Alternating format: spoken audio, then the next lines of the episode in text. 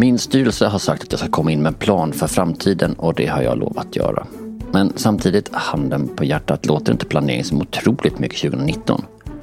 Var det något vi lärde oss under 2020 så var det att planen inte spelar någon roll. Fast tänk om planen med planering är något helt annat. Ja, vad är egentligen viktigt när man ska planera nästa steg? Det är den frågan jag ska försöka svara på i dagens avsnitt av Nästa steg. Jag heter Per Granqvist.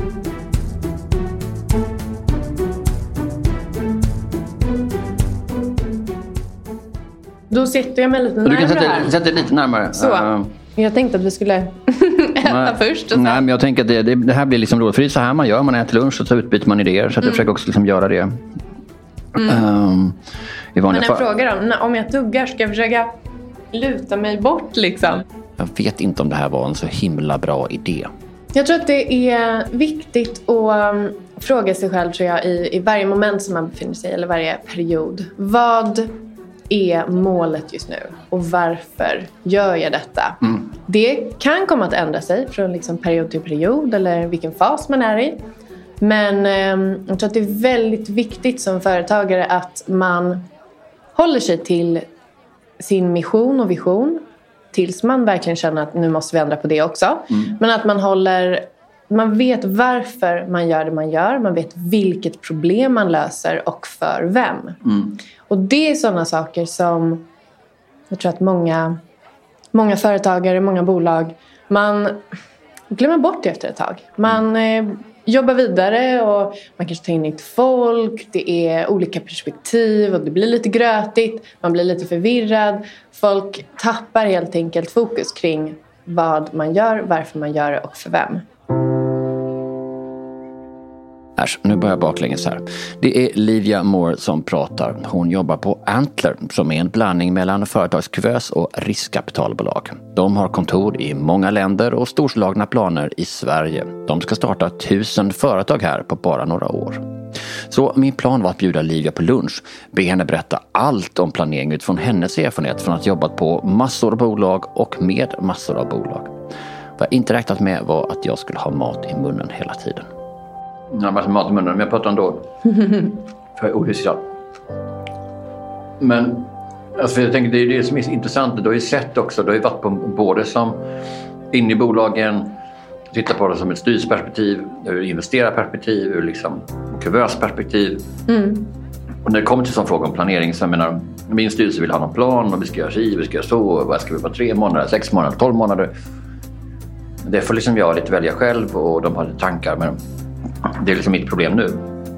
Och då tänker jag det är ju det som är intressant att förstå. Så vad, är det som är, vad är det som är viktigt här egentligen? Så att man liksom, inte, ska man börja med att göra en jävla massa powerpoint? Ska man börja med att fila på sitt däck? Är det liksom, eller är det mm, på baksidan av en servett? Eller liksom så här? Ja, jag tror att ehm, det där kan man göra på massa olika sätt.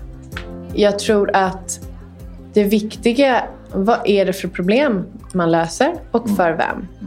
Gå ut och prata med målgruppen. Gå ut och prata med verkliga människor. Sitt inte liksom hemma på din kammare och, och fila på någonting tills du tror att det är perfekt och tills det känns som att allt är snyggt och designen är, är helt liksom rätvinklig och brandet ser grymt ut. Nej, nej, nej. Alltså skit i allt det. Liksom. Se, till att, se till att du verkligen förstår problemet på djupet. Att du har pratat med massa olika personer som, eh, som har det här problemet i livet. De du ska lösa det för.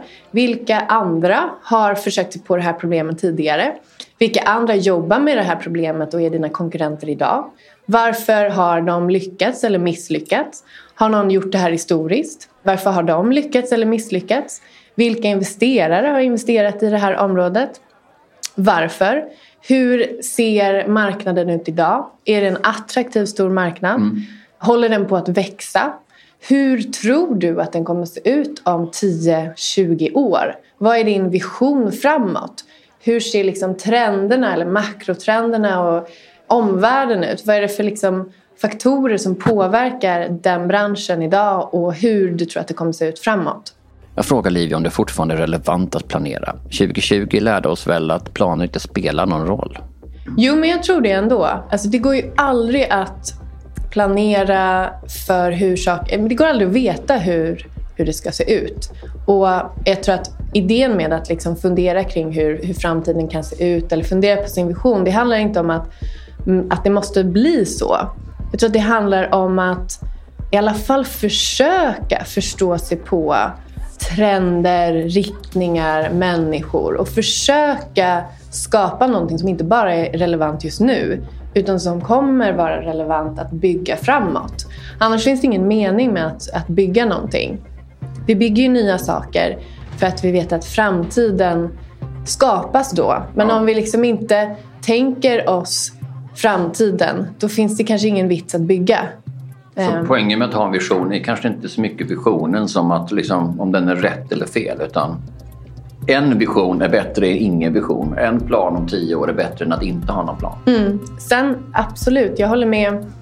Att foka för mycket, att lägga massa, massa tid på att skapa en tioårsplan i begynnelsen av ens bolag, det är slöseri med mm. tid. Så att en vision och en plan, det tror jag är ganska separata grejer egentligen. Du behöver inte planera för hur du exakt ska ta dig dit år för år om du ska nå din tioårsplan, eller förlåt, tioårsvision. Men däremot att ha en vision dit du vill försöka nå om tio år, det ger dig en riktning, mm. det ger dig ett fokus. Och inte bara dig, utan dina medgrundare, ditt team. Och det är jätteviktigt.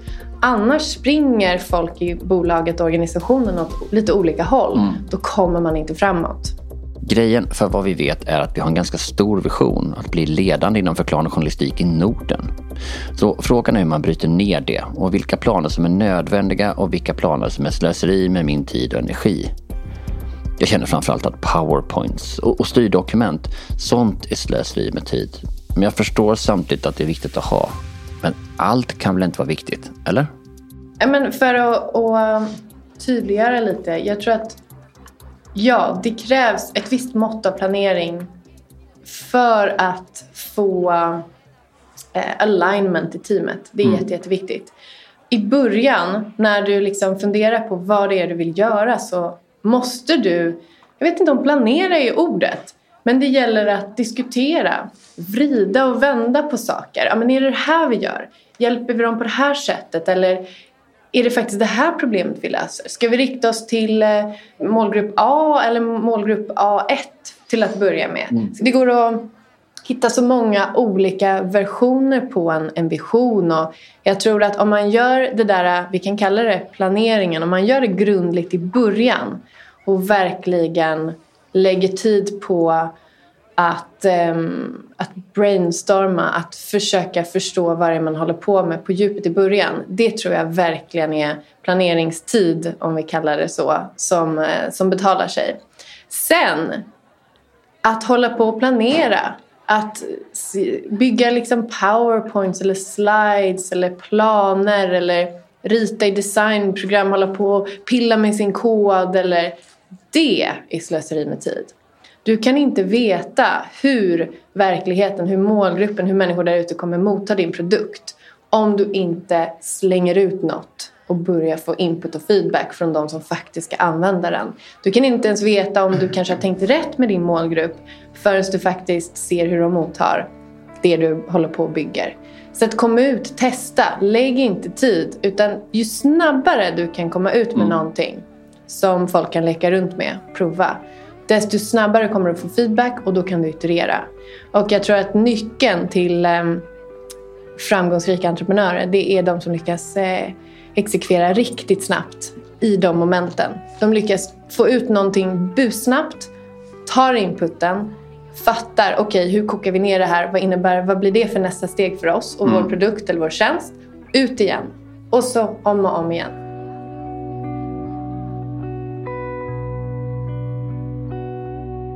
Vad Livia Moore på Antlers säger är alltså att det är bra med planer men att man inte ska lägga för mycket tid på dem. Ett bra lag trumfar alltid en bra plan. Så gör planerna tydliga men inte för detaljerade. Och kanske framförallt att se dem som ett sätt att synka laget. Att se till att vi som jobbar med att förverkliga samma vision springer åt samma håll. Det är riktigt bra råd förstås, men går det att översätta till verkligheten? Det ska jag försöka svara på efter det här.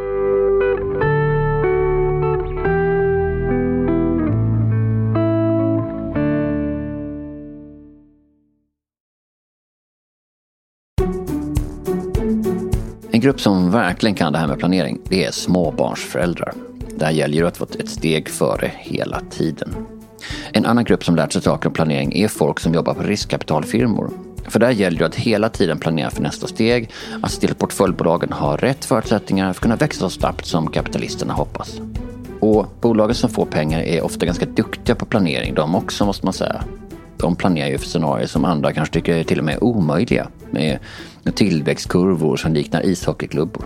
Jag jobbar som investerare på eh, en nordisk VC-fond som heter Inventure eh, och vi gör early stage investeringar.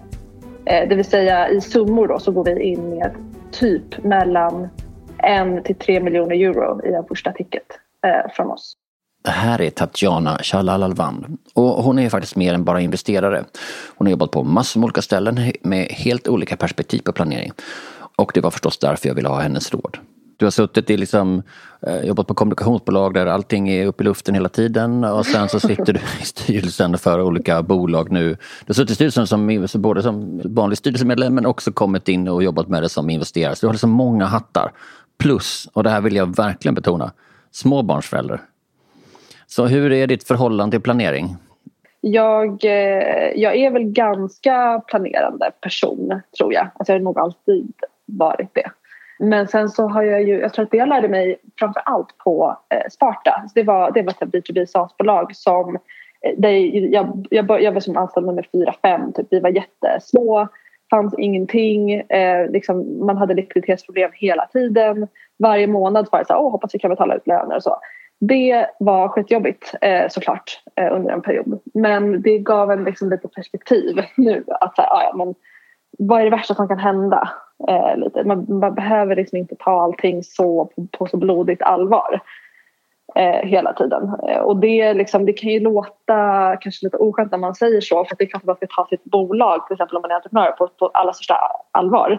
Eh, men man måste också liksom tillåta sig att skita i vissa grejer och inte lyssna för mycket på folk runt omkring. Så det var då, så jag försökte förhålla mig till det då. Liksom att, ah, ja, det får liksom lösa sig. Då hade jag inte småbarn dock. För nu är du tillbaka det... i den attityden.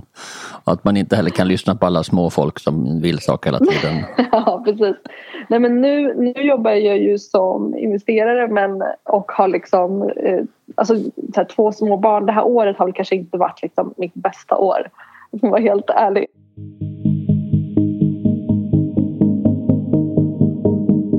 Om jag ska vara ärlig så tycker jag att mycket planeringsarbete är trams. Det är som man leker affär. Eh, att hoppa sig lösskägg för att verka mogen som Peyman Haser sa i avsnitt 13 där vi pratar om offertskrivande. Jag känner det som om jag leker affär när jag planerar. Men jag fattar förstås också att det är bra. Jag har bara så svårt att avgöra vilken planering som är bra. Jag frågar Tatjana, vad är det absolut viktigaste när man ska planera och, och hur man ska göra det? Och vad är det man kan verkligen skita i? Det där beror ju också såklart väldigt mycket på vilket stadie bolaget är i. Men om man är liksom ganska, när jag liksom sitter i styrelsen så är det ganska nya bolag fortfarande. Man kanske har varit igång i några år och liksom man håller på liksom att skala upp businessen.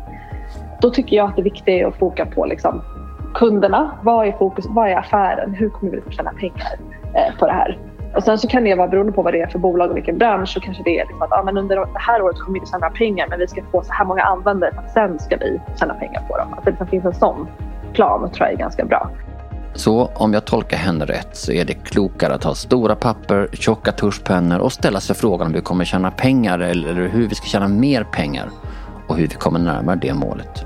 Det är det jag menar också, det beror på vilket stadie man är i. Om, antingen så, ha, så är, du, är du vid product market fit, du vet att du har en produkt som efterfrågas som folk är villiga att betala för. Mm. Eh, och då kan, du ju, då kan du ju gasa mer. Då vet du vad du behöver göra med receptet då för att liksom växa fort. Ofta så har du inget recept. Alltså man säger så här, ja men då har man recept, men det har man inte. Man har aldrig ett recept. Alltså allt kan hända. Typ en pandemi kan ske. Liksom, mm. Allt kan hända. Men du vet ungefär givet eh, liksom vissa parametrar så vet du ungefär vad du behöver göra för att fortsätta växa. Och det här är väl min akilleshäl. Jag blir så lätt så entusiastisk inför nya grejer att jag vill göra fler saker samtidigt. Mer av allt på något sätt. Tatjana, hon är mer för att göra en sak i taget och att göra den så bra man bara kan. Ja, men jag tänker här, till exempel om du ska lansera en eh, produkt till konsument. Välj liksom en produkt du ska lansera, en marknad och hur du ska ta dig an den, vinn den marknaden och sen kan du gå vidare till nästa marknad till exempel. För jag tror, det jag upplever ibland är att ja, sen så ska vi ut till UK, Tyskland, Frankrike. Det är väldigt svårt att lyckas med de tre marknaderna samtidigt om du inte har liksom ett enormt team och jättemycket eh, cash på banken. Eh, så välj ett ställe där du kan bevisa att okay, uppenbarligen så funkar det här. Och när du har gjort det, då kan du gå vidare till nästa marknad eller nästa produktkategori eller vad det nu är du, som beroende på vad det är business du Eftersom Almi är vår samarbetspartner för den här säsongen av Nästa steg får jag ringa en rådgivare varje gång. Och den här gången är det dags för David Nordlund. Och när jag frågar honom om vad som är ett rimligt förhållningssätt till planering, ja då börjar han med att citera ur Alice i Underlandet. Vill du vara snäll och tala om för mig vilken väg jag ska ta härifrån? Det beror alldeles på vart du vill komma, svarar katten. Det spelar inte så stor roll, sa Alice. Då spelar det heller ingen roll vilken väg du tar, sa katten. Och jag tycker det där ringar in egentligen kärnfrågan ganska bra.